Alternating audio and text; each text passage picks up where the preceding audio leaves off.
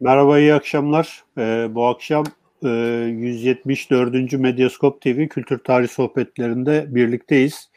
Ee, bugün e, Çankırı Karatekin Üniversitesi'nden e, öğretim üyesi Doktor Uğur Altuğ'la beraberiz. Kendisinin e, kronik kitaptan çıkmış olan şu kitabı üzerine bir e, yayın yapacağız. Osman Bek e, Bizim bu e, kültür tarih sohbetlerinde Osmanlı'nın kuruluş dönemi e, ne ilişkin bir dizi yayınımız oldu. Bundan sonra da olmaya devam edecek. E, bu dönemin çeşitli bileşenleri üzerine e, uzmanlarla, konunun uzmanlarıyla e, görüşmeye, e, konuşmaya devam edeceğiz. E, bu yayının size ulaşmasında bize destek olan e, Kronik Kitaba e, ayrıca buradan bir e, başlamadan teşekkür etmek istiyoruz. Hocam öncelikle hoş geldiniz. Davet ettik, e, kabul ettiniz. Sağ olun. Teşekkür ederim. E, dav- nazik davetinize ve ilginize e, ben teşekkür ediyorum asıl. E, rica ederiz. E, ben şimdi ilk sözü Ozan'a bırakacağım. E, kendisinin e, ilginç bir başlangıç yapacağını biliyorum. Buyur Ozan. Hocam hoş geldiniz tekrardan. Hocam Teşekkür ederim. E, e, bu Özer Aydoğan'ın bir karikatürü var. E, şimdi ekranda da görüyordur e, izleyenler. Büyüyünce Germiyanoğulları diye beylik kuracağım diye böyle. O da şey diyor e, o, o, o çok uzun tutmaz. Daha akılda kalıcı bir şey olması lazım. E, ya ya bir git Osman ya diye bir karikatür var böyle. Niye onlar tutmadı da Osman Gazi'nin e, beyliği tuttu? Bu karikatürden hareketle. Şimdi e, teşekkür ederim bu e, çarpıcı soru için. Aslında e, kitabımızın motivasyonunun da önemli e, bir e, kısmını bu e, karikatürize edilen e, süreçteki temel sorunsal teşkil etmekteydi. Neydi bu? Neydi bu? Osman e, efendime söyleyeyim e, pek çok e, kendisinden üstün figür halinde temayüz etmiş olan e, sair beylikler karşısında e, ne gibi farklılıklar ortaya koydu da Osman'ın beyliği tuttu karikatürize edildiği gibi. Şimdi e, malumunuz tabiat e, boşluk kabul etmez. Tabiatta e, eskiyen, eksilen, e, ortadan kalkan her süreç yerine yenisi ikamet edilmek suretiyle yeni formlar halinde devam eder. Şimdi e, Osman'ın beyliği veyahut da Osman figürünün temayüsü veyahut da diğer beylikler ve diğer e, beyliklerin beylerine baktığınızda böyle bir boşluğun, böyle bir eksilmenin e, sonucunda ortaya çıktıklarına tarih e, bize e, gösteriyor. E, Moğol darbesiyle büyük bir sarsıntı geçiren Selçuki e, devletinin içerisine düştüğü durum karşısında merkeziyetçi otoritenin sarsılarak eyalet yapılanmasının çözülmesi, e, Selçuklu eyaletlerinde, vilayetlerinde Sancak Bey'i subaşı nevinden faaliyet gösteren e, komutan, vali komutanların daha özel bir e, tavır takınmaya başlamalarına yol açan en önemli figürdür. E, tabii batıya doğru bu e, tablo batıya doğru çevrildiğinde bir Bizans süreciyle karşı karşıyayız. Tam Osman Bey'in ortaya çıktığı dönemde e, dönemden birkaç on yıl evvel e, Anadolu'da daha birkaç kuşak evvel babası Ertuğrul Bey'in faaliyet e, sürecinde e, Alaaddin Keykubat'la birlikte biz e, verdiği büyük mücadele, Bizans'ın o büyük baskısı ortadan kalkmakla birlikte Bizans merkezi tekrar İstanbul'a taşınmış durumda 1261 yılında. E, tabii birkaç on yıl içerisinde e, Osman'ın önümüzdeki dönemde faaliyet alanı olacak olan e, Rum topraklarındaki e, yapının da bir sarsıntı geçirdiğini görmekteyiz. İşte e, sadece bu manzarayla, bu koşullarla Osmanlı mı karşı karşıyaydı? Hayır. Osman belki de bu manzaradaki e, Osman ve Osman'ın oluşumu, e, Söğüt ucundaki e, subaşılık vazifesi belki de en önemsiz manzaranın unsuruydu. Fakat fakat niçin Germiyanoğulları veya Çobanoğulları tutmadı da Osman tuttu? İşte burada aynı koşullar hatta diğerlerinin e, amiyane tabirle maça e, daha avantajlı skorlarla, skorlarla başlamalarına rağmen e, Osman'ın kısa sürede durumu eşitlediğini ve daha kendi icraat dönemlerin, e, kendi kariyer döneminin, e, kariyer yıllarının ikinci veya üçüncü döneminde e, merkezi kuvvetli bir beylik yapılanmasına oluşumunu taşıdığını görmekteyiz. E, burada burada Osman'ın ayırt eden faktör olarak Osmanoğullarını ön plana taşıdığını görüyoruz ki biz de kitapta biz de kitapta e, önemli ölçüde işin bu boyutuna işin bu boyutuna e, motive olmaya, yoğunlaşmaya çalıştık. Yani e, biraz uzatacağım bu sorunun cevabını ama bu biraz uzunca bir giriş olacak. E, af, e, herkesin affına sığınıyorum. E, daha önce yapılan bütün kuruluş çalışmalarında Osmanlıların tezahürünü ele alan e, bütün süreçlerin analizinde e, hep her şeyin merkezinde olmasına rağmen her şeyin dışında tutulan bir Osmanlı faktörü var.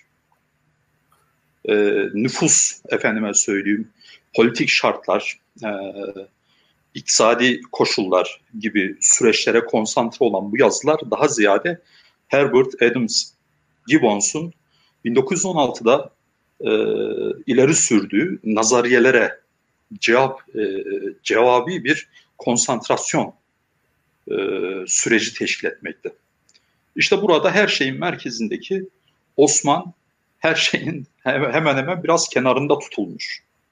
Ama baktığınızda e, tabisi olarak başladığı çoban oğullarını daha e, babasından beyliği, babasının beyliğini devraldıktan 10 yıl geçmeden çoban oğullarının seviyesine yükseliyor. Tabiyet zincirini kırıyor çoban oğluna karşı.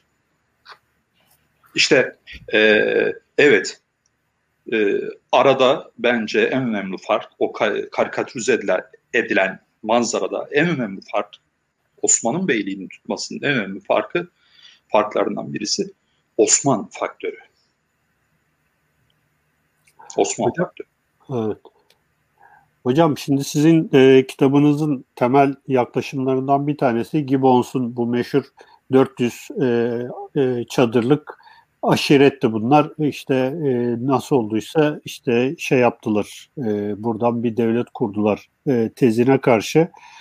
E, sizin kitapta özellikle vurguladığınız Ertuğrul Gazi'nin aslında bir bürokrat olduğu bir e, Söğüt subaşısı olarak zaten e, bir devlet geleneğinden geldiği ve e, bu bunun böyle bir e, lalettayın bir aşiret olmadığını ve bazı avantajlarla e, e, bu devletin temellerinin atıldığına yönelik e, bir takım tespitleriniz var. İsterseniz biraz bunlardan bahsedelim. E, işin bu yanından bahsedelim. İkinci olarak da e, kitabınızda hani bahsediyorsunuz işte bu e, Mustafa Akta, Cemal Kafadar vesaire çizgisi. O çizgi e, üzerinde yani bu e, Cemal Kafadar'ın işte bu iki cihan aresinde anlattığı e, acaba işte bir tam e, ne Moğolların ne Bizans'ın e, etki alanında olmayan kör bir noktada e, kurulmuş bir devlet olmasından kaynaklanan bir coğrafi avantajı var mıydı yok muydu? Biraz bunlara da isterseniz değinelim. Şimdi evvela e, şunu belirtmek lazım. E, yani e, Allah rahmet eylesin Halil Bey'in e, 2003 yılında e, hemen Ankara'nın az güneyinde yapmış olduğu saha çalışmalarında bulundum. E, bizzat Bu saha çalışmalarında hoca e, Ertuğrul Bey'in e, zuhur ettiği coğrafyaya ve üstlendiği üstlendiği idari askeri bağlamda üstlendiği tarihi misyona odaklanmışlardı. Bu saha araştırmasında araştırmasının nedeni de bu odaktan kaynaklanıyordu. Şimdi kaynak der ki e, Ankara'ya karip Karacadağ Karacadağ'a geldiler der. Neşri, Mehmet Neşri e, Alaaddin Keykubat'ın e, Bizans İmparatorluğu'na karşı mücadelesinin e, uzak hatıralarını yansıtır bize. E, Ertuğrul'un o esnada Erzurum e, Pasinler Sürmeli Çukur hattında o istasyonlarda bulunduğunu, sultanın gazasını duyunca bölgeye geldiğini e, belirtir. Bölük pörçük bilgiler e, şeklindedir. Fakat e, Halil Bey'in ortaya koyduğu üzere e, bu dönemde gerçekten Alaaddin Keykubat'la, birinci Alaaddin Keykubat'la Bizans İmparatoru e, 3. Vatatses Laskaris arasında şiddetli bir mücadele vardır. E, birkaç on yıl önce 4. Arş Seferi neticesinde Bizans İmparatorluk hanedanları İstanbul'dan çıkarılmış, Latinler İstanbul'u zapt etmiş. İstanbul e, İmparatorluk merkezi Laskaris Hanedanı'nca İznik'te ihya edilmiş. E, Trakya ile Rumeli ile Balkanlarla hasılı e, kesilen ilişki karşısında bütün enerjilerini doğuda doğuda Selçuk topraklarına karşı pres yaparak kendilerine alan açma üzerine yoğunlaştırmış bir imparatorlukla ve son derece agresif bir kişilikle karşı karşıyayız. Vatatses, 3. Vatatses son derece agresif e, sadece askeri bağlamda değil, görmüyoruz bu e, süreci. E, bütün politikalarına yansıdığını iktisadi, siyasi bağlamda fakat tarihin e, ta, tarihi tarihin cilvesi derler amiyane tabirle karşısında en az onun kadar öngörülü ve agresif bir rakip var. Ötekinin başında Sultan Alaaddin Keykubat. Alaaddin Keykubat Meliklik dönemini yani Şehzadelik dönemini Ankara'da, Ankara Kalesi'nde, Ankara kentinde geçirmişti ki Ankara kenti tarihi öneme sahip bir e, şehirdir. E, bunu belirtmek isterim. Selasil adı verilen güçlü kalesi, efendime söyleyeyim ekonomik yapıları Orta Anadolu'da bütün yollar üzerine kurulmuş inter, e, geniş Kastamonu, e, Kırşehir, Eskişehir arasındaki geniş e, hinterlanda merkezi bir e, merkezi bir e, görüntü çiziyor. Keykubat tabi buradayken sürekli uçtaki gelişmeleri iş, e, izliyordu. Haberleri izliyor. Efendime söyleyeyim e, Bizans'ta neler oluyor, neler yapıyorlar. Konya'da tahta geçer geçmez e, Keykubat'ın derhal bu sıcak çatışma alanına geldiğini görüyoruz. Bu süreçte e, Kastamonu ve Ankara'yı e, Bizans'a karşı sağ kol ve sol kol şeklinde eski Türk e, gelenekleri çerçevesinde örgütleyecek ve buraya en güçlü e, komutanlarını vali olarak, askeri vali olarak atayacaktır. Kendisi de dinamik bir şekilde bu hat arasında gidip gelecektir. Biliyor musunuz Ankara Kalesi'nde bir e, Alaaddin Camii var. Ankara'nın e, en uzak e, uç noktası sayılabilecek Bey Pazarında yine bir Alaaddin Camii var. Efendime söyleyeyim e, Moğol te- tehdidi ufukta verildiğinde e, Ankara'nın Şerefli Koçhisar ilçesinde yine bir Alaaddin Camii yaptırdığını görüyoruz ve hatta hatta hanımı hanımı Hurşit Hatun e, Şerefli Koçhisar'da metfuldur. Orada vefat etmiştir. Bu dinamik figür e, sadece saraydan bu mücadeleyi yönetmekle kalmıyor. Aktif bir şekilde uç bölgesinde bu kol sistemi içerisinde gitgellerle e, ülkesini müdafaa ediyor. Sınırlarını müdafaa ediyor. İşte tam burada Ertuğrul Bey devreye giriyor. Ertuğrul Bey e, kaynağın uzak hatıralarla e, ve daha ziyade 15. yüzyıl zihni kodlarıyla e, o bölük pörçük bilgileri yorumlamaya çalıştığı, kendi döneminin e, değer yargılarıyla o kavramlara bir değer atfetmeye çalıştığı e, sürecin özünde sürecin özünde bu manzara vardır. E, ve Ertuğrul bölgeye geldiğinde kaynak der ki işte oğlunu gönderdi. Oğlu Sarı Savcı'yı, Sarı Yatı Savcı'yı gönderdi. Sultan ona yurt verdi. E, aşiretine yurt verdi. Karaca Dağı gösterdi. E şimdi efendim ben size sor, sormak isterim. Böylesine mücadelenin şiddetli bir dönem, şiddetlendiği bir dönemde Ertuğrul Bey uç, uç sahasına geliyor. Ve Karacadağ dediğimiz nokta çok kritik bir yerdir. Bugünkü Konya, Ankara, efendime söyleyeyim Kırşehir, Konya, Eskişehir, Aksaray, bütün bu yolların bütün bu yolların üzerine kurulmuş 80-100 kilometrelik bir hinterlanda sahiptir. Ankara'ya az çıktığınızda Adana'ya doğru Gölbaşı'nı az geçince karşınızda e, tipik Türkistan'daki o Türk yurtları gibi kubbemsi e, katman katman yapılar verir.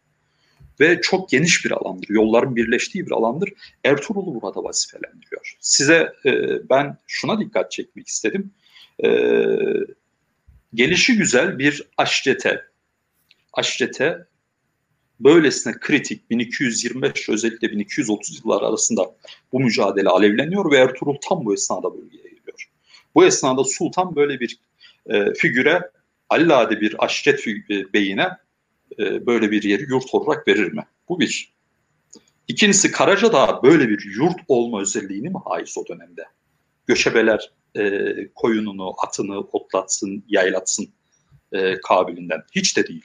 Son derece bu savunma hattının önemli önemli istasyonlarından, stratejik noktalarından birisidir burası. Ve böyle bir e, stratejisi yüksek mevkiyi, yolları tutan bir mevkiyi Konya'nın hemen ön bahçesini teşkil eden bir yeri Ankara ki Ankara e, cephe hattı sayılır artık. E, buraya bir de köprü yaptırdı asker sevk etmek için Alaaddin Keykubat. Böyle bir cephe hattının hemen az e, gerisine e, az gerisine görevlendireceği kişi şüphesiz önemli bir askeri ve idari figür olmalı. Bu da Ertuğrul Bey'in e, ki hakkında maalesef az sayıda kaynaklarda malumat vardır, çok çok azdır.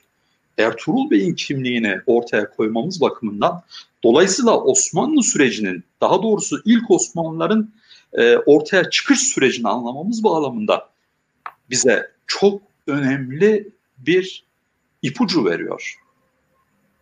Yani e, eşyanın da mantığında bütün bağlamlarında özüne ters bir gelişmedir. Yani alelade bir yurt verdim hadi git. E, e, Erzurum'un suyu mu çıktı? Mis gibi orada e, hem daha elverişli değil mi? Bugün de hayvancılığın yapıldığı en önemli noktalardan birisidir ama bölgeye getiriyor. Ve kısa süre sonra da Ertuğrul Bey'in Ertuğrul Bey'in e, Alaaddin e, Keykubat'ın en önemli e, komutanlarından birisi haline geleceğini e, görmek gel, gelmiş olduğunu görmekteyiz. E, nitekim e, bu noktadan yani Karacadağ'dan yaklaşık 250-300 kilometre uzaklıktaki Söğüt'te buluyoruz Ertuğrul Bey'i. Bu çok ciddi bir ilerlemedir. Söğüt nedir? Söğüt, Söğüt e, Selçuklu e, taşra veyahut da eyalet sisteminde bir yönetim birimidir. Bir askeri birimdir. Bir ünitedir. Yani e, nasıl Osmanlı'da e, eyalet, e, klasik eyaletler tımar sistemiyle yönetilir ki tımar sisteminde e, köy, nahiye, e, kent büyüklüklerine göre bir tımar birimi ittihaz edilir. İşte e, subaşı, tımar birimi, subaşılık veyahut da zehamet veyahut da e, sancak şeklinde. İşte e, Söğüt böyle bir e, zehamet bölgesi. Bir subaşlık ve bir bey tarafından yönetilmek durumunda. Ama en ileri hatta Bizans'a karşı. Ve Ertuğrul Bey'in burada konuşlandırılmış olması, en uzak, en ileri uçta konuşlandırılmış olması e, yine bizim e, ileri sürdüğümüz kişiliğine ilişkin, kim olduğuna ilişkin e, hem kendisinin hem de e, aşireti şeklinde kaynağın 15. yüzyıl koduyla tanımladığı e, yanındaki oluşumun e, kimliğine ilişkin bize e, çok önemli bilgiler veriyor. Böyle bir figür, kudretli bir figür. Bir Selçuklu askeri idari elitine dönüşmüş durumda. Sultan Karacahisar'ı kuşatacaktır, bu kuşatmadadır. Sultan Suud'a sefer düzenleyecektir. Ertuğrul bu sefere katılıyor. Donanmayla bu çıkarma e, bu sefere katılıyor. Ee, Çobanoğlu Çobanoğlu'nun tabiyetinde. Çoban Bey'in tabiyetinde. Ne için? Ee, Kastamonu sancak hükmünde, Söğüt ise e, nahiye hükmünde. Aralarında ki tabiyet böyle bir eyalet hiyerarşisi içerisinde değerlendirilmeli. Böyle bir aslık üstlük ilişkisi var aralarında. Ertuğrul böyle bir figür. Ee, bu bağlamda e, Mustafa Akdağ'ın e, Mustafa Akdağ'ın e, oldukça çarpıcı e, tahlilleri vardır ki bu tahliller e, kanaatince sadece sadece bu sürece değil o dönem o dönemde Anadolu'daki pek çok yapının tezahürüne ışık tutacak nitelikte e, tahlillerdir. Bunların çok iyi değerlendirilmesi lazım. Bunların çok iyi değerlendirilmesi lazım. Niçin Halil Bey e, 2003 yılından bahsediyorum. Yani vefatından 13 yıl önce 87 yaşında 87-88 yaşında niçin Halil Bey kalkıp ki gittiğimiz gün e, gittiğimiz gün e, beni takip edebiliyor musunuz Cengiz Bey? Tabii tabii. Gittiğimiz evet. gün e, üzerimde e, Mayıs'ın ilk günleriydi. Öyle bir sıcak vardı ki öyle bir evet. sıcak vardı ki üzerinde e, yeni giydiğim affedersiniz tişört güneşten bozarmıştı, solmuştu. Evet. Halil Bey o yaşta niçin oraya gidiyor? Niye saha çalışması yapıyor? Şimdi e, ikinci soruyu bir ilk soruyu e, bu şekilde tamamlayalım. İkinci sorunuzu bir daha e, tekrarlayın lütfen. Bu e, Cemal Kafadar, e, Mustafa Akta e, çizgisinde işte bu iki cihan aresinden bahsetmiştim ve e, Söğüt'ün biraz böyle kör bir noktada olmasından kaynaklanan bir dezavantaj var mı e, gibi bir e, soru sormuştum. Tamam hatırladım. Şimdi e, iki cihan aresinde midir Söğüt? E, şimdi kısmen e, öyledir diyebiliriz. Fakat fakat e, fakat Osman Bey Söğüt'te e, Söğüt'te e, babasının yerine e, Söğüt Subaşısı ve Söğüt Ucubeyi oldu, olduktan çok kısa bir süre sonra e, konumlandırılan o iki dünyanın birisine karşı agresif bir biçimde her fırsatı bulduğunda daha 1285-86'da birkaç yıl sonra hemen evet. büyük bir büyük bir askeri harekat bırakır. Bu suretle Osman Bey'in kariyerinin en önemli e, süreçlerinden birisine gelmiş bulunuyoruz. Bu da oluşumunu oluşumunu faaliyetlerini hızlı bir biçimde iki cihan şeklinde e, Kafadar Hoca'nın tanımladığı dünyalardan birisi olan Bizans topraklarının en ileri hatlarına sokma teşebbüsü. Marmara'ya dayanıyor, İstanbul Boğazı'na dayanıyor emri altındaki e, gaziler bunu Pahimeres e, dramatik ifadelerle belirtir ve tarih henüz 1300-2305 yıllar arasıdır. Evet. Şimdi e, bu noktada baktığımızda e, Söğüt'te bir saklı kalınmışlık yok. Bu bir.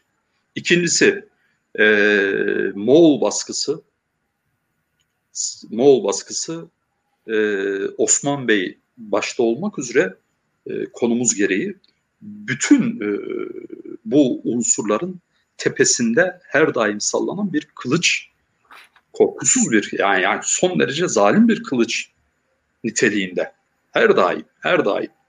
Osman Bey'in Bizans'a karşı başlattığı bu harekatın kanaatimce ve bunu e, çalışmada da belirtmeye çalıştım. E, kanaatimce en önemli nedenlerinden birisi kendisini Selçuklu kamuoyundan, Moğol işgali altındaki Selçuklu kamuoyundan uzaklaştırmaya çalışıyor. O hinterlanddan, o baskı mekanizmasının karakterize ettiği hinterlandın dışına çıkmaya çalışıyor.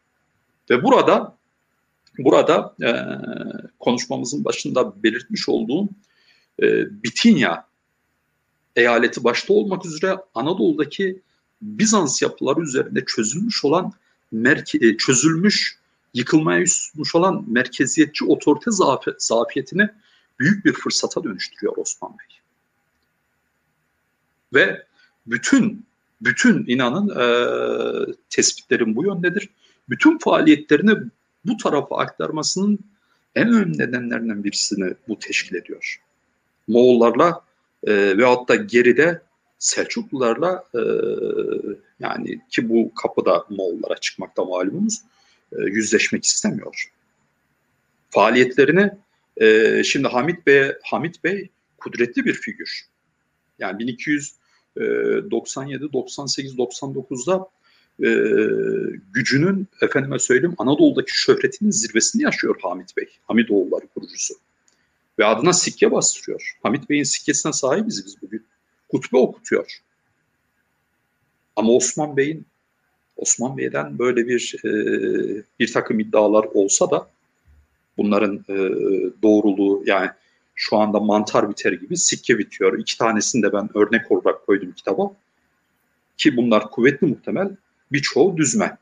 Birkaç yıldır haberi Osman Bey sikkesi çıkıyor ve hepsi de hepsi de bağlam olarak e, düzenlenme olarak çok fahiş çok fahiş hatalar barındıran sikkeler.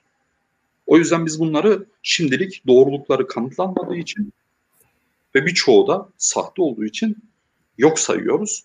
Ee, yok sayacak olursak Osman Bey niçin böyle bir sikke basım girişimine gitmedi? Evet. Yani diğerlerinin e, karşılaştığı akıbete maruz kalmak istemiyor. O bağımsızlık mesajına bağımsızlık mesajına daha ziyade daha ziyade e, takındığı agresif e, gaza faaliyetiyle ifade etmek istiyor. Dört bir tarafa. Ben bağımsız oldum, sikke bastırdım. Hadi gelin. Kimse gelmez. Nasıl gelecekler? Gelecek kişilere, gelecek kütlelere himaye sağlarsanız, yurt sağlarsanız, istihdam alanı açarsanız, bir, onları kendinize çekecek lokomotif işlevi icra etmeye başlarsınız. Osman Bey'in bağımsızlık vurgusunu daha ziyade buradan okumak lazım. Bu efendim şeyleri bir kenara bırakmak lazım. Fan, e, e böyle sembolik, e, fantastik yorumlara kaçan semboliz, sembolizmaları bir kenara bırakmak lazım. Daha derin bütün icraatları, bütün yapıları, bütün kurumları, bütün kişileri efendim bütün ortamı, ortamın bütün unsurlarını derinlikli analizlerle bu bağlamda tahlil etmek ve Osmanlı oluşumunu bu süreç üzerine inşa etmek durumundayız. Bağımsızlık, bağımsızlık böyle bir bağımsızlık. Nitekim Osman Bey'in e, çocuklarına koyduğu isimlerde e, tavrını görüyoruz. Çok erken dönemde, çok erken dönemde bağımsızlığın e, bağımsızlığını e, sikke basarak dört bir yana ilan eden Hamit Bey'in ismini oğluna veriyor.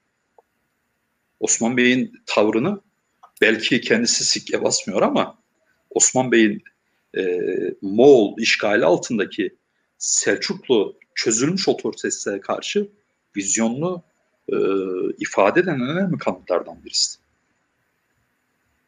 Şimdi e, iki cihan var. Bir tarafta kılıç gibi kellenizi almaya odaklı, tepenize dikilen bir Moğol baskı dünyası. Diğer taraftaysa e, İstanbul'a taşındıktan sonra enerjisini önemli ölçüde Balkan topraklarına aktararak e, Anadolu topraklarına, Anadolu Bitinya eyaletinde özellikle e, bir gerileme dönemine girmiş, bir çözülme e, dönemine girmiş bir Bizans dünyası var. İşte o dünyadan Osman Bey bu dünyayı bu dünyayı kendisine açmaya başlayarak kendisine bir yaşam alanı inşa etmeye başlıyor. Evet.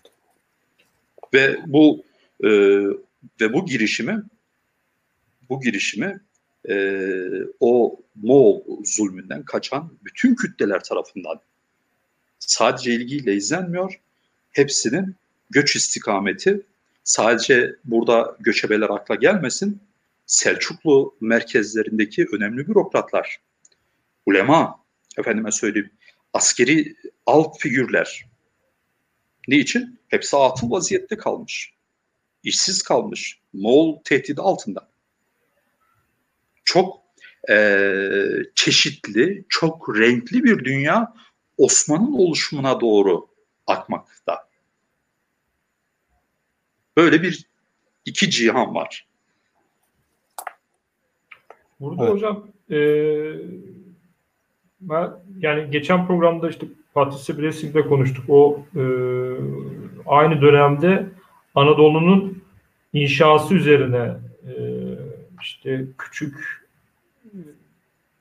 bürokrat küçük değil? Bürokratlar, büyük bürokratlar vasıtasıyla yeniden inşasını e, üzerine çalışmış ve biz de o konu üzerine konuştuk.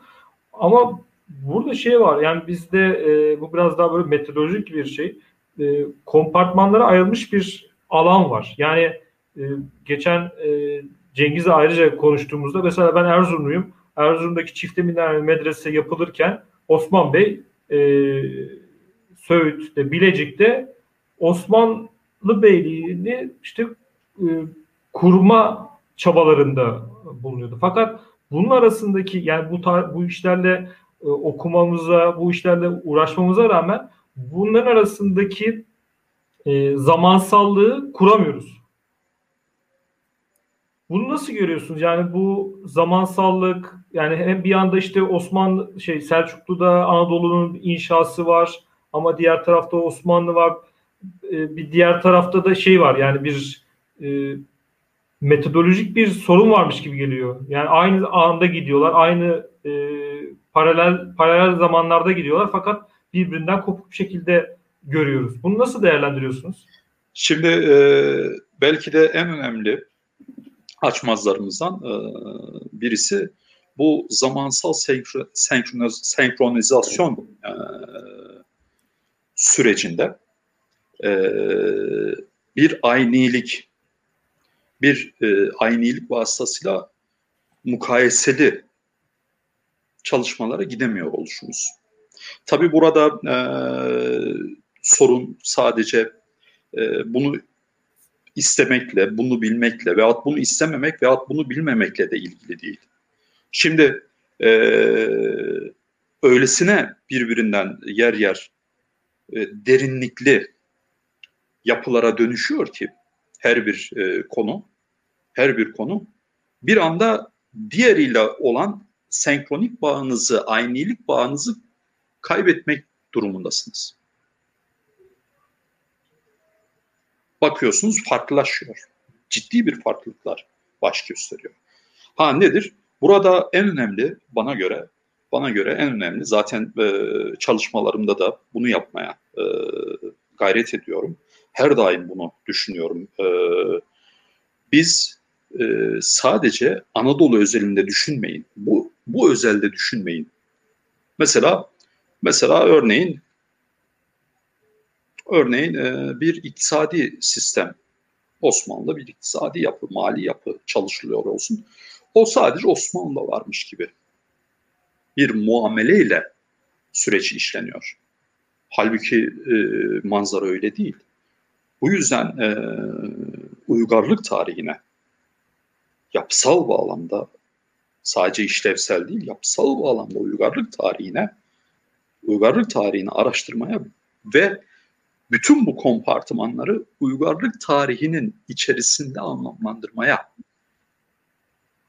sair iklimlerde, sair coğrafyalarda, sair zamanlarda kurulan yapılarla e, ortaya çıkan figürlerle mukayese etmeye ihtiyacımız var. Maalesef bu bizde henüz emekleme aşamasında. Ha nedir? Bunun yargısını ben mi veriyorum? Hayır. Yapılan çalışmalara baktığımızda bu ayan beyan görünür. Mesela ee, onu çalışan Osman Bey'den Osman Bey'den bir haberdir. Efendim onu çalışan öbüründen.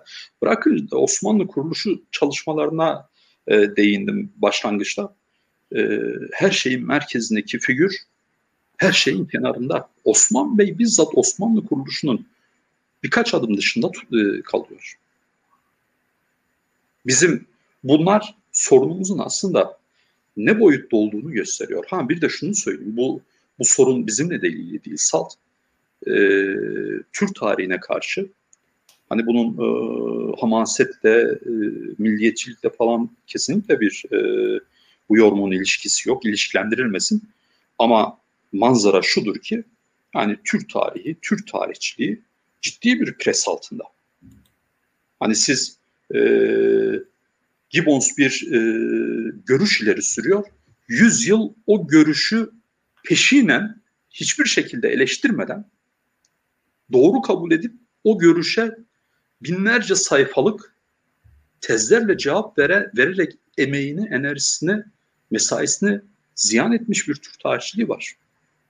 Bir de bu arada Gibbons da tarihçi değil, gazeteci yani. Gazeteci. Ha şunu da belirtmek isterim. Gibbons'un da hakkını vermek isterim. Son derece önemli bir noktaya işaret.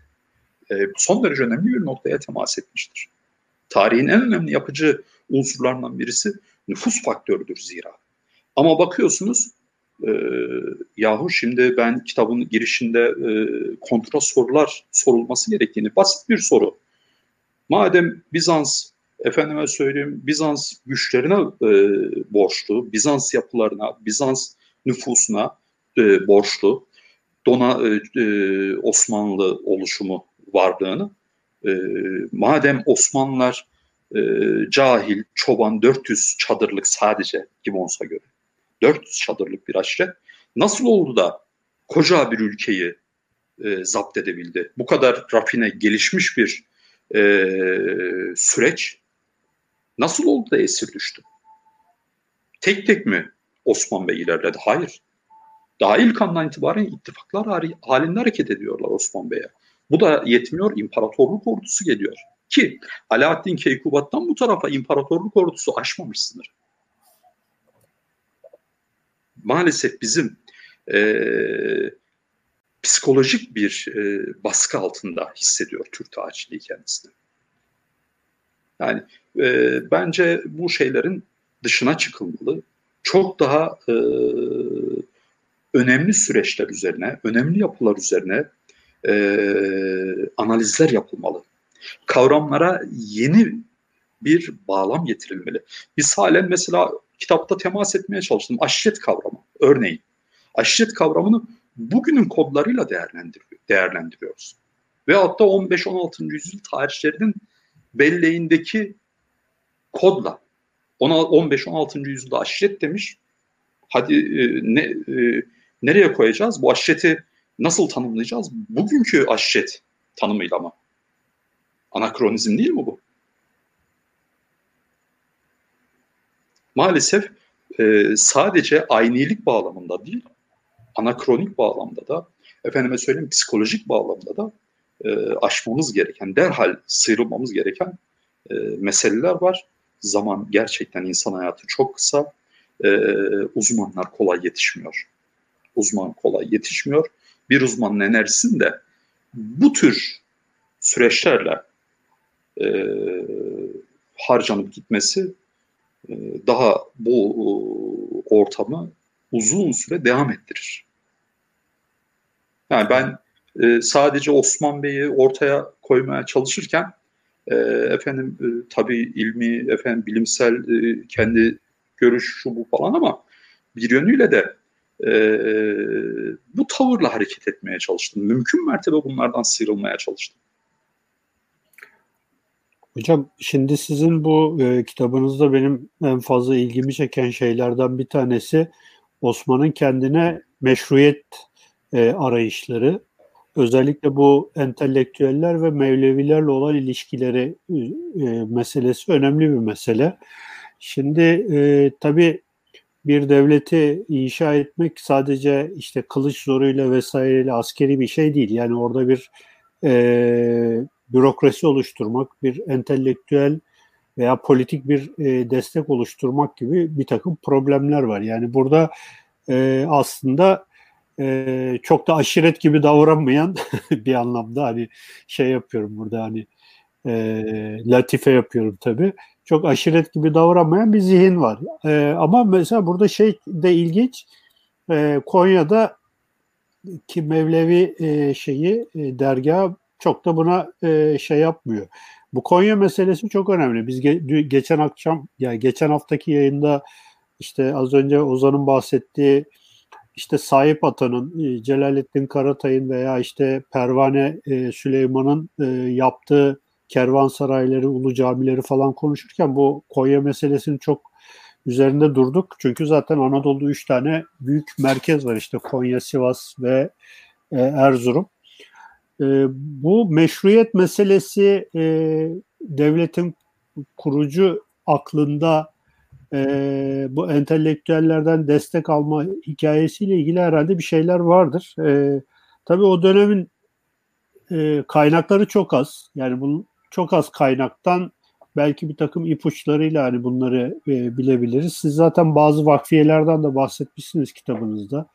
Bunlar da e, aslında e, bazı şeylerin göstergesi. Yani öyle rastgele kurulan, e, tesadüfen bir araya gelen bir e, durum yok ortada.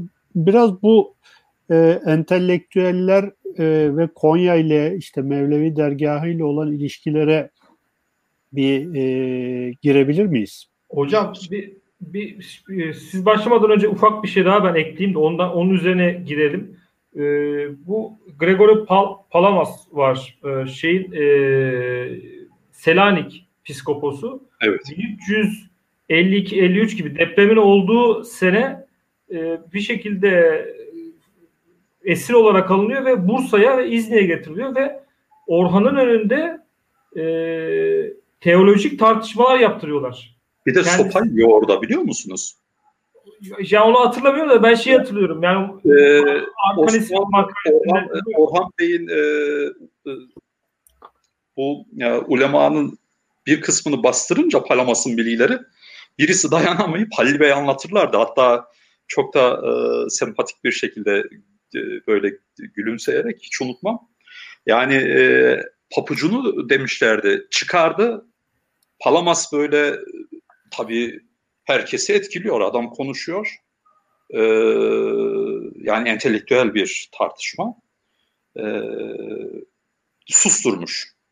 Ve e, büyük bir şeyle çıkıyor kahraman gibi entelektüellerin de sadece askerlerin e, zafer kazandığında hissettiği e, kahramanlıklar yoktur. Entelektüellerin de malumunuz bu tür küçük çaplı e, başarılardan sonra içine böyle hisler depreşir ya. Sanırım Palamas'ta da öyle bir his var. Böyle kalkıp giderken e, Osmanlı ulemasından birisi çıkarıyor papucuyla kafasına vuruyor böyle. Zavallı Palamas'ın. e, Halil Bey hatta espri yapmışlardı. Öyle yenememişler ama böyle yenmişler. Yani hocam e, böyle önünde e, Orhan Bey'in önünde şey yaptırıyorlar. E, ne diyelim münazara yaptırıyorlar ki bir tanesi şey Palamas dediğimiz Selanik e, başpiskoposu yani bunun bir şeyi olması lazım. Yani bir arka plan olması lazım. Siz buradan devam edersiniz de Tabii. bunu bir şey olarak bir o dinleyenlere bir ek bilgi olsun Tabii. diye söyledim. Tabii şimdi kısaca e, hemen e, bu eke birkaç açıklamayla e, başlayalım. Bu bir gelenektir. Orta zamanda bütün dünyada, bütün dünyaya şamil bir gelenektir. Ve semavi dinlerden önce e, tek tanrılı dinlerden önce e, varlık, efendime söyleyeyim, evren odağında şekillenen e, tartışmalardır.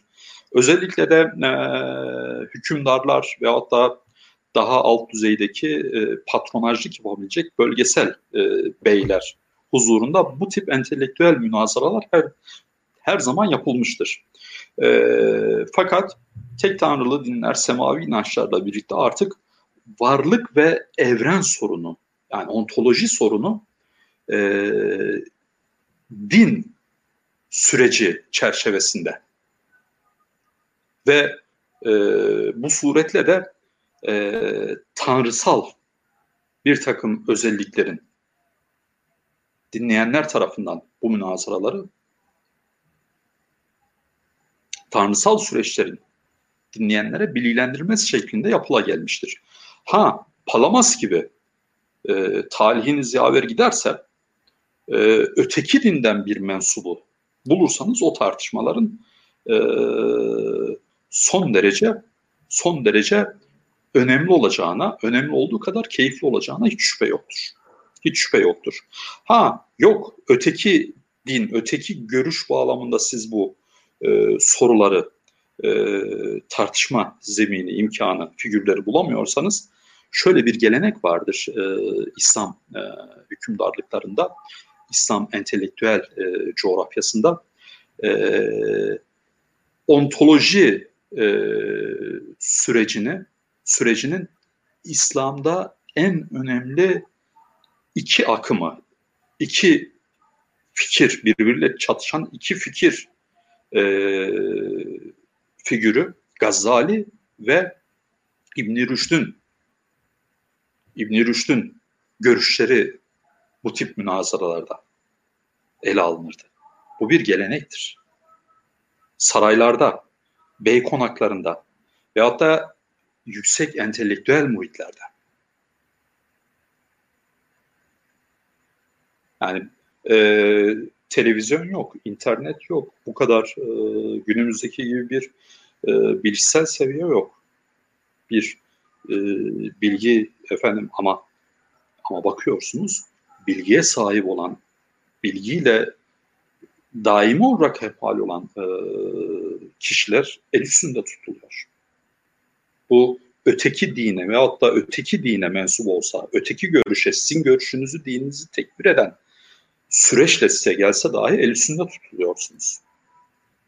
Böyle bir hoşgörü iklimi var. Palamas, Palamas e, önemli bir figürdür. Ve e, büyük itibar görüyor.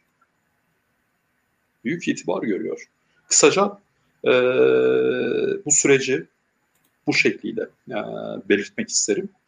E, diğer yönden e, Anadolu'daki entelektüel e, süreç çerçevesinde Osman Bey'in ve Osmanlı oluşumunun e, etkileşim noktaları neler bu süreçte?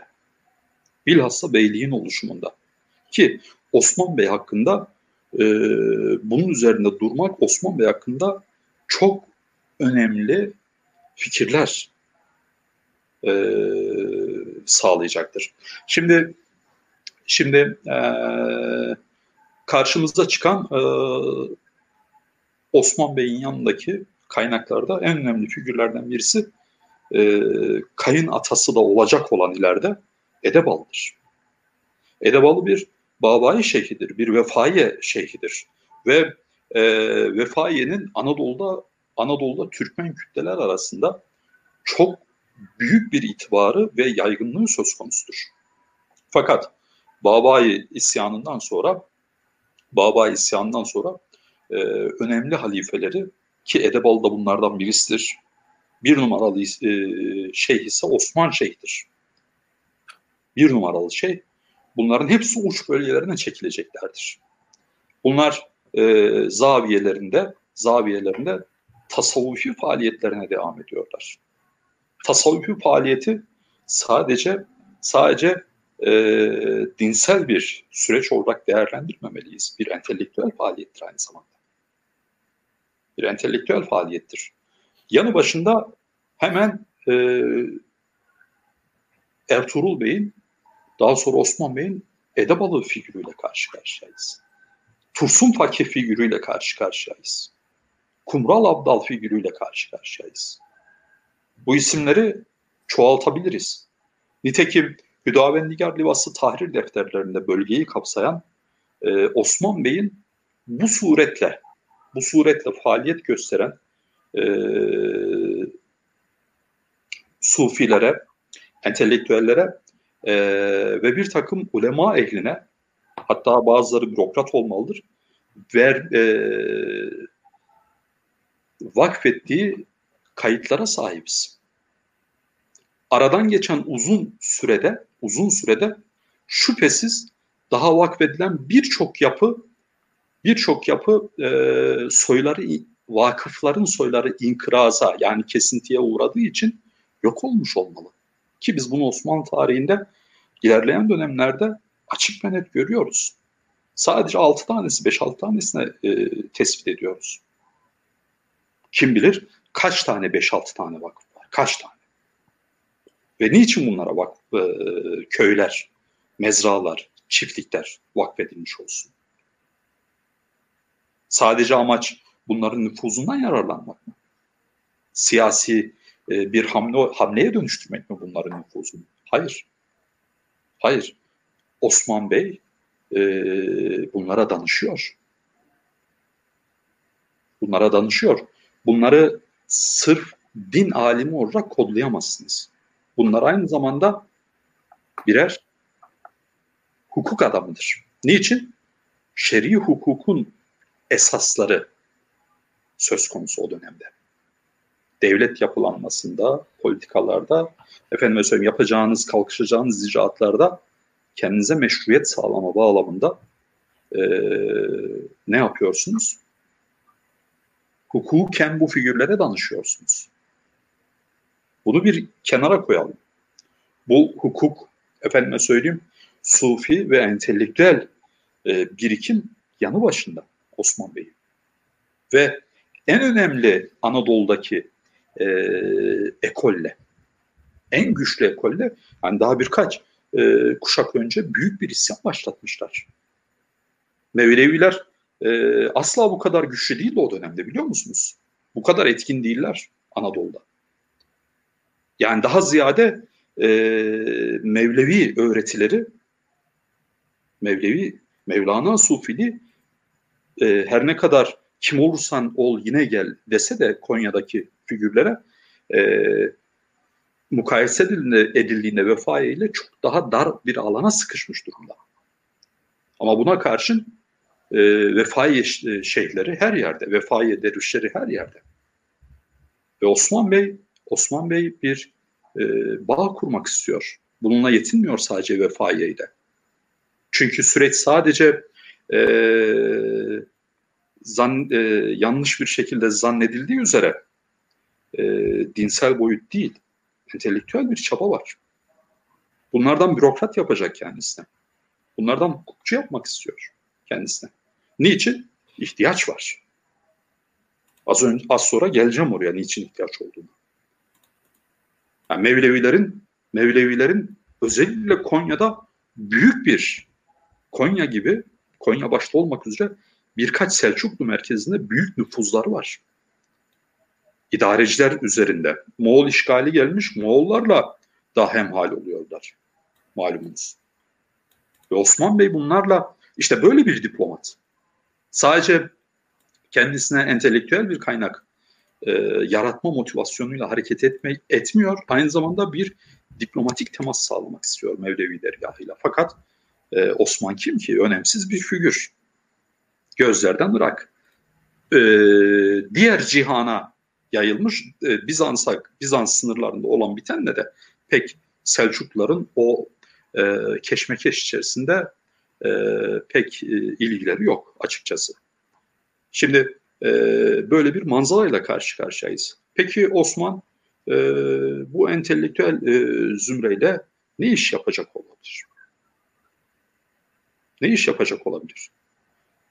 Osman Bey'in e, mesleki kimliğine yakından ele almak durumundayız. Osman Bey e, profesyonel bir alp, bir komutan, bir alt subaşısı ve bir idari adam ve biliyor işlerin nasıl yürümesi gerektiğini. Ve bilgisi, görgüsü bu e, alp kimliği, subaşı kimliği çerçevesinde karakterize olmuş.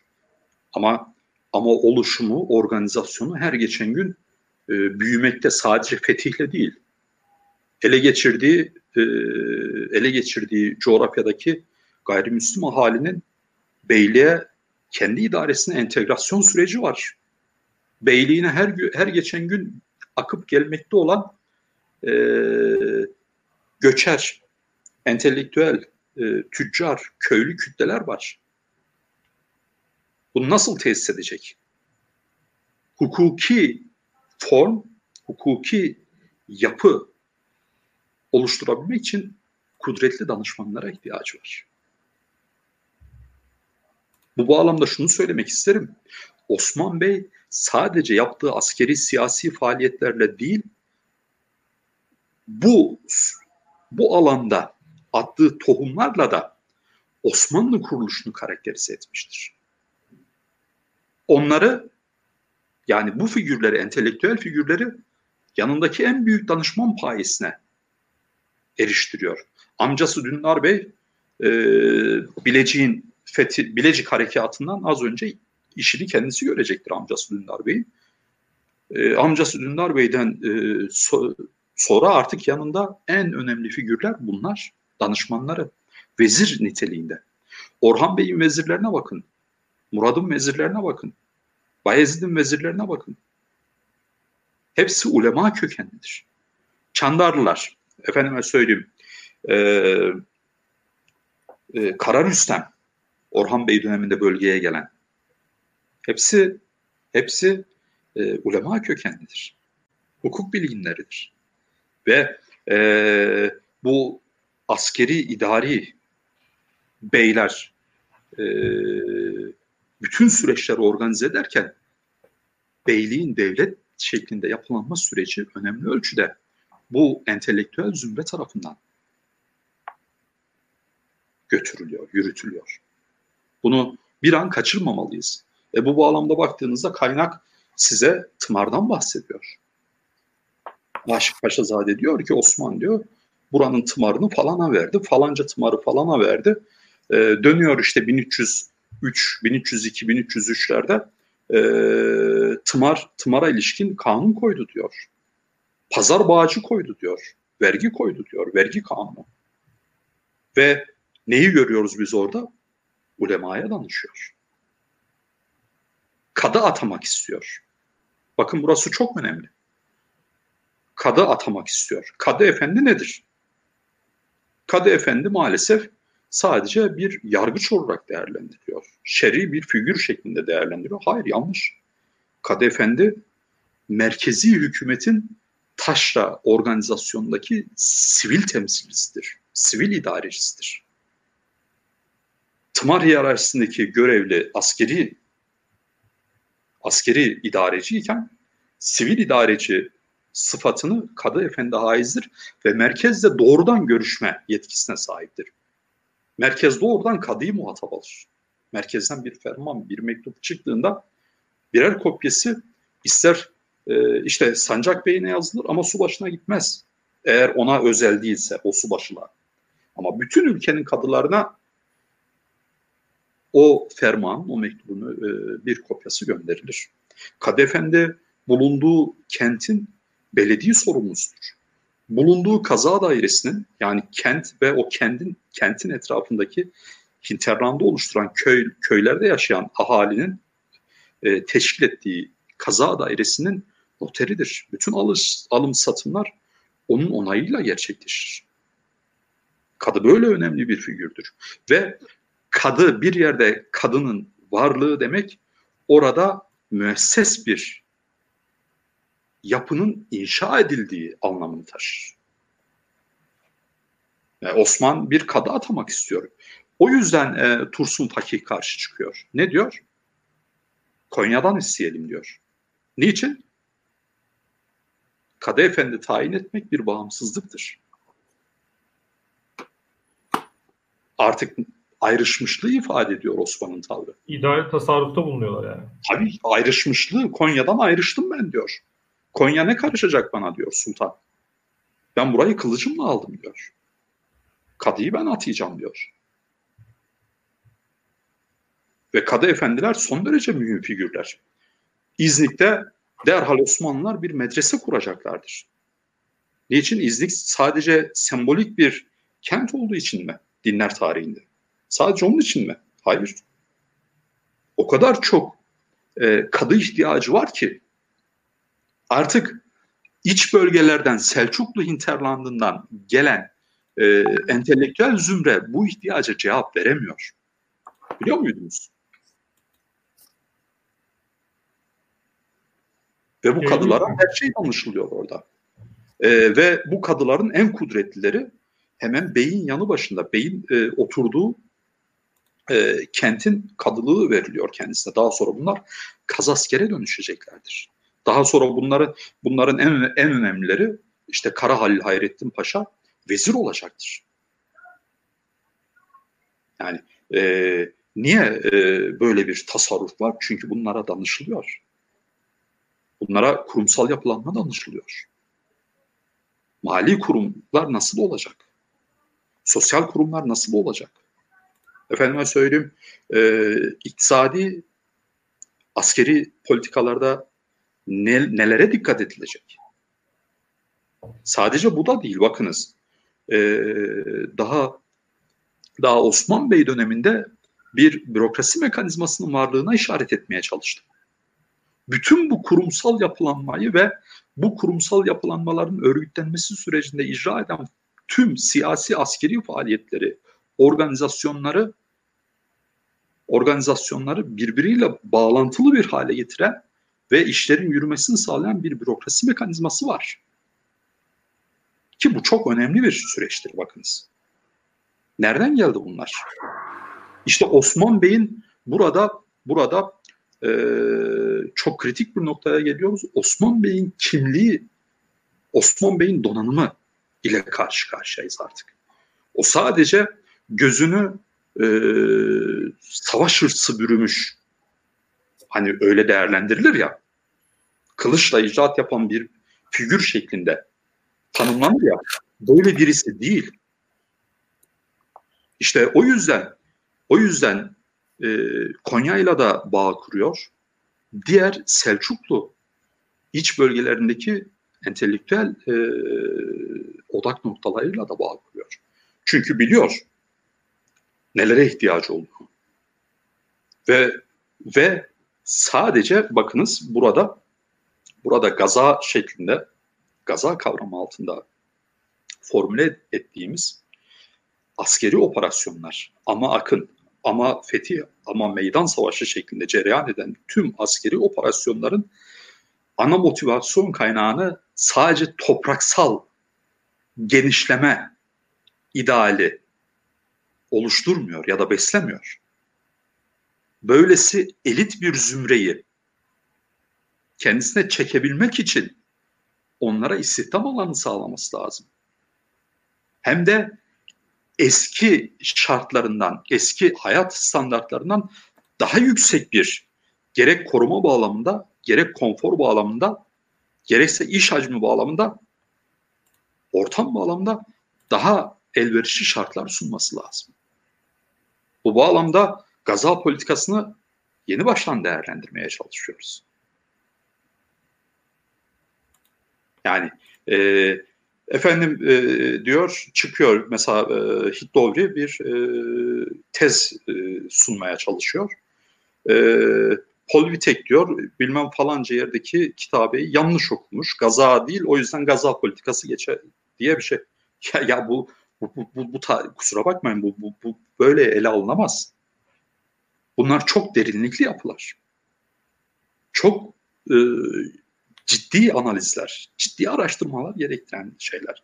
Ve bunların üstünde düşünülmesi, sembollerin üzerinde düş, e, üzerinde tutulması gereken. E, ben gördüm.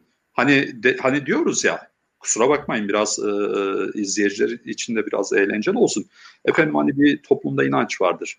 Yılanın ayağını gören cennete gider. Değil mi? Malumunuz. E şimdi e, hiç unutmam orta orta 2'deyken e, harika bir fen hocamız vardı. E, bize anlatırdı böyle e, süreçte derdi bazı yılanların ayakları e, var. Bilim bunu tespit etti. E diyor adam sarhoş sarhoş geziyor diyor. Yılanın ayağını görüyor cennete mi gidecek diyor. Şimdi bu buna benziyor. E, gaza, oraya gaza ister doğru yazılsın ister yanlış yazılsın. Mesele o değil.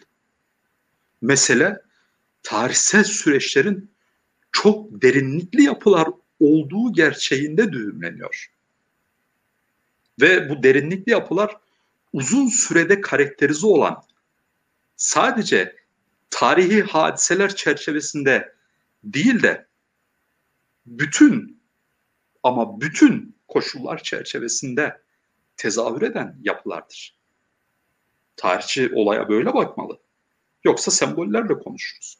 Hocam Bakarım. o konuda o konuda size çok hak veriyorum. Bu kitabı yani kuruluş mevzusunu artık e, sadece kitabedeki bir kelimenin e, bir ifadenin okunmasına bağladığın zaman onun içinden çıkamıyorsunuz artık. Yani sadece oradaki onu mu söylemiş bunu mu söylemiş. Yani daha büyük e, yapıları, daha büyük tarihsel süreçleri göz ardı etmiş oluyorsunuz. Yani o Vitek'in ya da işte Lavre'nin yaptığı yani Vitek tabii sonuçta filolog oradan gelen bir şey var. E, oradan geldiği için. Ama bu tartışmaları yani e, sırf Osmanlı kuruluş tartışmaları anlamında değil genel olarak e, tarihi olayları incelerken bu olayların arkasındaki arka planı yani e, onu oraya getiren o figürleri, o aktörleri, o bildiğimiz o eylemlerini e, yapmaya zorlayan süreçler neler? Onları bilme, bilmediğimiz sürece yani sanki böyle bir tiyatroymuş, kukla kukla oynatıyor musunuz gibi bir şey var. Yani o oraya geliyor, bu buraya gidiyor. E, yani bunun yani, arkasındaki süreçler neler? Bro, Brodel e, tarih der. Büyük Fernand Brodel. Tarih dalgaların kıyıya yaklaşırken kazandığı ivmeyle üzerinde çıkan köpükler değildir. O dalgaları yaratan metrelerce alttaki dip dalgalardır der. Tarihçi bunu analiz etmeli. O dalgalara o dalgaların altındaki dip dalgalara ulaşmaya çalışmalılar. E şimdi ne olacak? Şimdi ben e, şöyle bir iddiam var. E, hatta bazı öğrencilerimle de paylaşıyorum, doktor öğrencilerimle vesaire. E, şimdi şunu bekliyoruz. Elimize bir kitap geçsin, bir kaynak geçsin. Bize kafamıza gelen her soruyu Osman Bey ne yaptı şeklinde cevaplasın. Gazayı nasıl görüyordu, şunu efendime söyleyeyim, entelektüellerle olan politikasını falan ama öyle bir kaynak yok. Olamaz da. Olmaz da, olmamalı da. Ama baktığınızda Aşık Paşazade'ye, Neşriye ve hatta sair kaynaklara, yer adlarına, şahıs adlarına, bütün verilere e, baktığınızda e, araya böyle düşen allade kelime görüntüsündeki görüntüsündeki e, noktalar öyle dünyalar açıyor ki öyle dünyalar açıyor ki size. Şimdi ben buradan hareketle e, nişan kelimesini açmaya çalıştım. Kitapta dikkatinizi çekmiştir. Bürokrasi e, mekanizmasını anlat. An, onun üzerinden mesela onun üzerinden bir göster göstermek istedim. Mesela şimdi ben o kadar ben e, binlerce tımar kaydı okudum. Kusura bakmasın kimse yanlış anlaşılmasın öyle kendimizi anlatıyor gibi. E, çünkü benim e, doktora tezim e, kuruluş devrinde Osmanlı tımar sistemiydi Halil Bey'le e, İnalcık Hoca'nın danışmanlığında yaptım. E, uzun süreli bir çalışma. Halen de üzerinde çalışıyorum. Binlerce tımar kaydı okudum. Ve o tımar kayıtlarında mesela bir tahrir defteri düşünün. Mükemmel bir tahrir emini ve muazzam bir tahrir katibi tutmuş. Mesela e, Tımar'ın birisinde diyor ki e, Berat, Tımar Berat'ı görüldü Tımarlı'nın. Birinde diyor ki e, mektup görüldü bir birkaç varak sonra nişan görüldü. Hoppala nişan. E, şimdi bunların hepsini hükmü de, beratı da, nişanı da aynileştirme eğiliminde maalesef aynileştirme eğiliminde dikkatsiz bir tarihçilik var. Dikkatsiz bir tarihçilik var. Niye bir bu, bu, bu katip e, bakınız e, Tuna Tuna'da bir birkaç köy köy köyde e, Petre, Petri, Petro, Petros, Peter gibi isimler yazıyor. Fark koyuyor. Harf, harf farkları koyuyor. Bunları tespit ettik. Bir harf. Sonra ben e, tahrir defterlerini yayınla hazırlarken Evgeni Bey'e sordum. Nedir bu? Ya, Sırplar diyor. Sırpçada Peter'dır bu isim. Bulgarca'da Petro'dur. Efendime söyleyeyim Romenler Petre der. Diğeri Petri der. E bakıyorsunuz kendisini köylü ifade ederken hangi topluma, hangi kavme mensup olduğunu da belirtiyor bir nevi ismiyle. Ve bunun buradaki bir harf farkına kadar bunun ayırdığını ayırdığının e, deftere işleyen bir bürokratla karşı karşıyayız. Niye nişan diyecek bu? Niye berat diyecek? Ama tarihçi bugün bunların hepsini aynı torbaya doğru. Hayır efendim. Hayır. Aşık Paşazade ne diyor? Ben okumak bilmem dedi diyor Kumral Abdal'a diyor müjde isteyince. Pardon. Bana e, rüyasını yorumladı diyor e, e, Edebalı.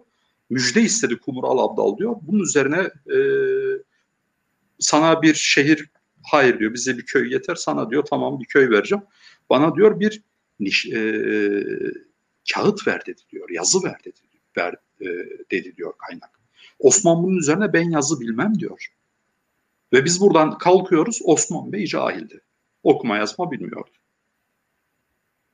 Yahu e, burada burada Kumral Abdal'ın talep ettiği şey ön protokolleri oluşturulmuş sadece yer adları konmamış bir vakıf senedidir.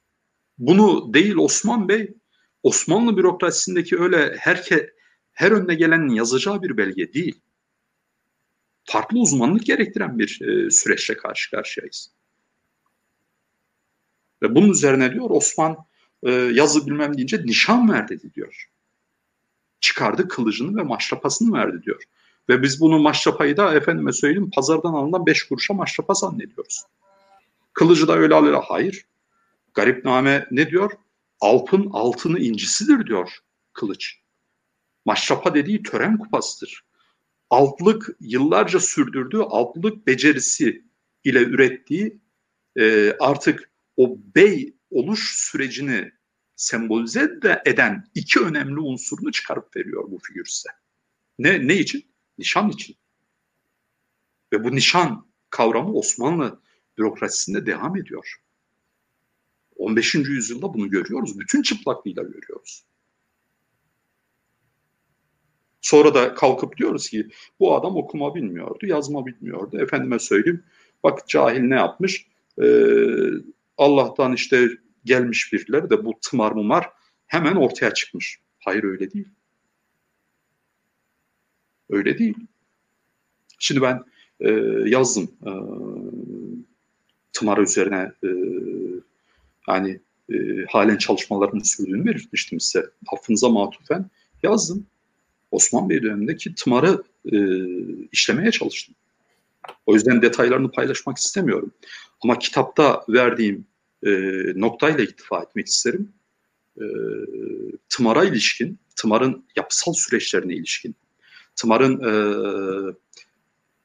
muamelat süreçlerine ilişkin o kadar önemli, o kadar önemli kanunlar var ki, niçin e, yalan, şayet yalansa Aşık Paşazade ve hatta Mehmet Neşri ve hatta İbni Kemal gibi büyük entelektüel figürler niçin böyle bir yalana en önde gelen protokol kanunlarından birini değil de daha yan, daha dışarıda kalan bir kanunu koysunlar. İntikal kanunu. Tımarlının diyor çocuğu tımarlı ölürse tımarına dokunulmasın diyor Osman Bey. Bu bir intikal kanunudur. Çocuğuna versinler. Çocuğu küçükse yine de versinler. Ki bu daha diğerle diğer merkezi kanunlara nazaran tımarın yapısal sürecinin daha dışında kalan bir süreç. Mantıklı mı sizce? Hayır. Ha o dönemde bakıyorsunuz Osman'ın tam da gaza faaliyetlerini artırdığı bir dönem. Ve tımar tevcihatını tımar tevcihatını yine artırdığı bir dönem buna paralel olarak. Ve çok sayıda tımarlı maktul düşmeye başlıyor. Ve bu tımarlılar, ilk tımarlılar onun yanı başındaki halklar. Atlı suvariler. Ve o sadece bu intikal kanunu e, bürokratik ve kurumsal bağlamda e, bahşetmekle bahşetmekle e, bir vicdani rahatlamaya gitmiyor. Bu kurumsal yapılanmanın temellerini, temel çarklarını kurmuş oluyor. Şimdi onun çocuğuna vermezseniz ne olacak? Çocuğu gidecek, annesi e, annesi defterlerin tabiriyle ere gidecek, başkasıyla evlenecek, çocuk ırgat olacak. Ama hayır öyle değil. Bu tıpkı Batı şövalyeliği gibi e, soysal e, asalet gerektiren. Yani nedir bu soysal asalet? Efendim bu bunu yine yanlış anlaşılmasın açıklamak istiyorum. En az birkaç kuşaktır bu işi yapıyor olmak gerekir. Çünkü e, bir tımarlının e, sadece savaş teçhizatını taşıyabilmesi için, at sürebilmesi için çocukluğunda o işe başlaması lazım. Bu işler öyle kolay işler değil. Bunu, bunu da bilen birinden, babasından, atasından e, gelen birikimin kendisine aktarılması suretiyle öğrenmesi lazım. Yine o tımar ünitesini iktisadi açıdan, sosyal açıdan e, idare edecek bilgi birikimine sahip olması lazım. İşte Osman, Osman intikal kanunuyla intikal kanunuyla kurduğu devlet nizamının ki Osmanlı'nın ana omurgasını tımar sistemi teşkil eder.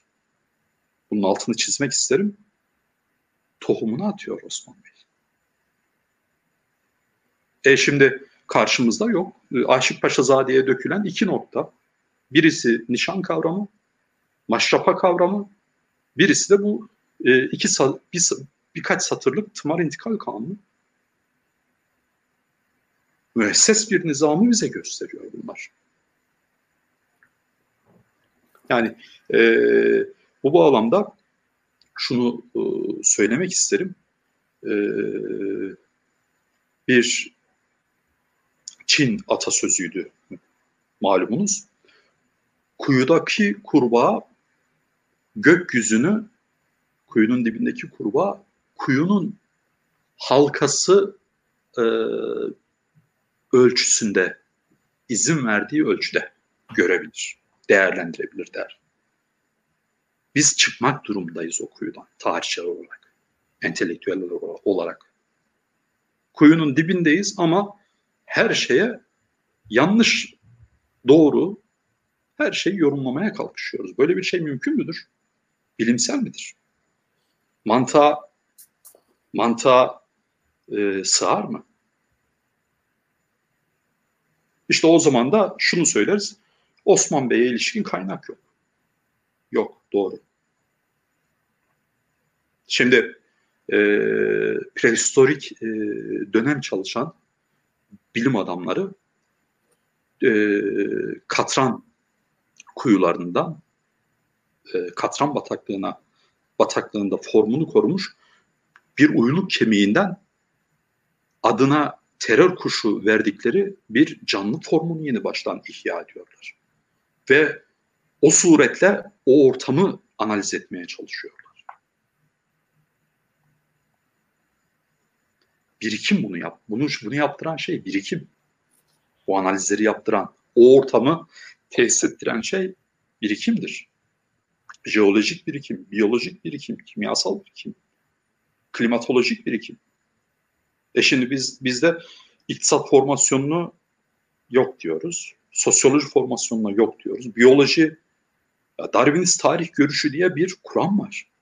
Bunu dediğinizde Türkiye'de Türkiye'deki tarihçilerin e, bir kere hani hadi iyimser olayım yarıya yakınısı tekfir etmeye hazırlanır. Marksist tarih dediğinizde yine aynı şekilde. Bırakın jeolojiyi, bırakın klimatolojiyi. Şimdi iklim, e, şimdi e, Twitter'da yazıyorum genç arkadaşlara ilham vermek adına soru soruyorum. Nedir, ne olur? İklim diyorsunuz. E, iklimin ne alakası var? Ama ama bakıyorsunuz iklim dünyayı değiştiriyor. Bir kuraklık veyahut da bir buzul çağı bütün dünyayı dünya tarihini, tarihine yön veriyor. Ama biz olayı nereden okumaya çalışıyoruz? Yani kişilerin öyküsünden. Hocam e, yavaş yavaş toparlayalım. Yaklaşık bir saat 20 dakikadır yayındayız. E, son olarak e, söylemek istediğiniz bir şey varsa onları da alalım. Ozan senin soracağın bir şey var mı? Yok zaten gayet hoca e, evet. hoca gayet e, çok iyi toparladı. Şu, özellikle son söyledikleri şeyler e, metodoloji açısından çok önemli. E, evet. Benim de üzerine konuşmak istedim ama hoca üzerine konuştuğu için bir şey söylemiyorum artık. Evet, biz Metodoloji. dinlemeyi dinlemeyi tercih ettik. biz zaten hocam genelde konuşmayı kendimizi geri çekmeye çalışıyoruz ki konuğumuz daha çok konuşsun, daha çok e, faydalanalım. O yüzden müdahale etmemeye çalıştık. Estağfurullah. Ben de diyorum e, beyefendiler konuşsa da biraz da ben geride dursam. yok yok hocam biz zaten biz, biz, biz 170 programdan beri buradayız yani sürekli biz buradayız. Her hafta buradayız. O yüzden bizim konuşmamız değil sizin konuşmanız önemli. İnsanlar size e, sizi dinlesinler, size ulaşsınlar. Biz biz sadece burada aracılık yapıyoruz. Evet Çok hocam e, son olarak söylemek istediğiniz bir şey varsa alalım daha sonra bitirelim. Şunu belirtmek isterim. Biz e, evet. yine kitaba döne, kitap özeline dönecek olursak evet. bu çalışmada bu çalışmada e, tıpkı nüfus gibi efendime söyleyeyim tıpkı e, siyasal askeri büyük hadiseler gibi e, temel yapıcı unsurlardan biri şeklinde Osman Bey'i